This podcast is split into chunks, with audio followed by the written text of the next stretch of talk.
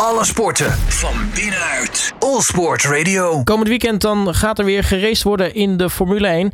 Op het eh, circuito de Catalunya Barcelona wordt de Grand Prix van Spanje verreden. Dat is natuurlijk de vraag, eh, wat kunnen we eigenlijk gaan verwachten van eh, komend weekend? Nou, ik ga erop vooruitblikken met Erwin Jeggi van motorsport.com. Erwin, hele goede middag. Hi Robert.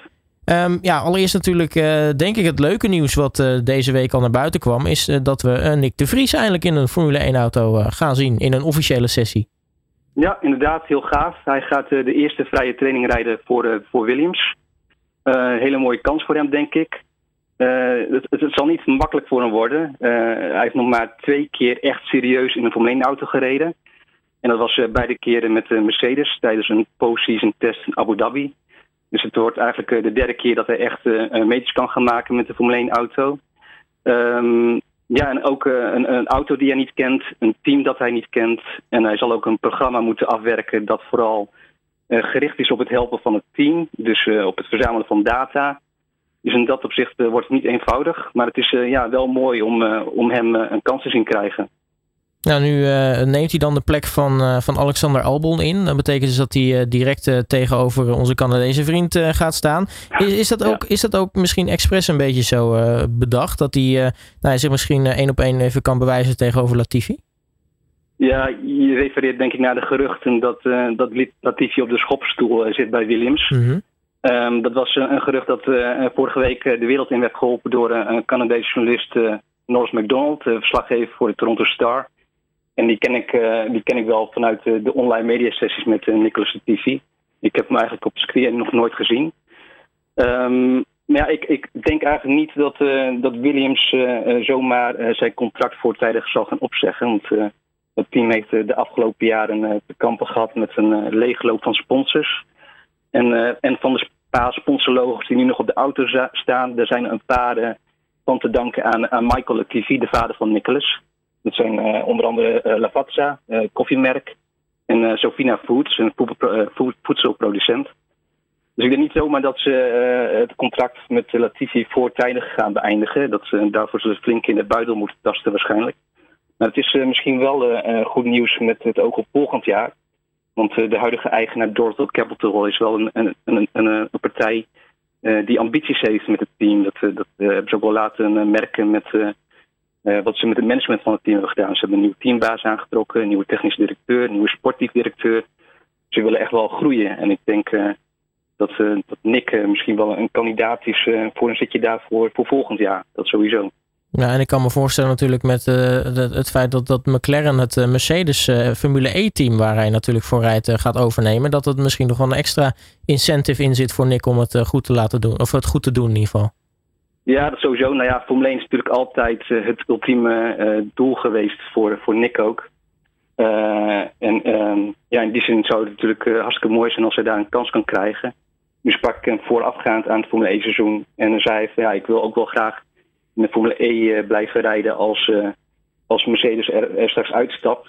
Maar goed, als er zich een kans in de Formule 1 aandient, dan heeft dat natuurlijk veel meer prioriteit. En ik denk ook dat Nick heel veel kan toevoegen aan het team, want hij heeft gewoon hij is jarenlang meegelopen in het uh, McLaren-programma, het juniorenprogramma. Heeft inmiddels een paar jaar ervaring als test- en reserverijder bij Mercedes. Dus ik denk dat hij qua kennis ook heel veel kan meebrengen. Nou, voordat we het over andere dingen gaan hebben, tot, tot nog even over Nick. Ehm, wat, wat, wat, wat kan hij gaan laten zien? Want het is natuurlijk wel even weer een overstap om dan ineens in een Formule 1-auto te, te zitten. Dus nou ja, voordat er waarschijnlijk heel veel Nederlanders zijn die de, de wereld verwachten, misschien even de, de verwachtingen temperen. Uh, ja, dat denk ik wel. Uh, ik denk dat je niet echt naar de tijdenlijst moet gaan kijken. Maar vooral uh, dat, dat Nick de, de auto heel gaat houden, houden tijdens de training. En dat hij gewoon veel leert en, en, en netjes het programma afwerkt. Dat is het voornaamste. Ja, dan is het natuurlijk ook weer een nieuw hoofdstuk wat gaat plaatsvinden in de strijd tussen Max en, en Charles Leclerc om het wereldkampioenschap. Um, eerder deze week uh, liet Leclerc toch zien dat, hij, dat ja, zijn, zijn, zijn thuisland, Monaco, uh, nog steeds niet heel veel geluk brengt. Ja, hij kwam inderdaad uh, in actie tijdens de Historic Grand Prix. Um, ging daar van de baan met een oude auto van Gilles Villeneuve. ja, als kazon natuurlijk als je schade rijdt met zo'n historische bolide. Maar het, het, bleek uiteindelijk een, een, technisch probleem te zijn. Niet zijn schuld, maar het is wel dat, dat liet hij ook op social media weten. Het is wel weer opnieuw pech in, in Monaco in zijn eigen achtertuin. Ja, dat, voor je het weet gaat het toch een, een eigen leven leiden, zo'n zo'n zo'n zo'n zo'n reeks. Ja, nou ja, Max heeft natuurlijk ook jarenlang pech gehad in Monaco. Dat hij net weer een momentje had en in de vangrail belandde daardoor veel baantijd verloren of niet, niet mee kon doen aan de kwalificatie. Maar goed, ja, het, kan, het is gewoon pech, pech hebben. Het kan ook zo weer omkeren.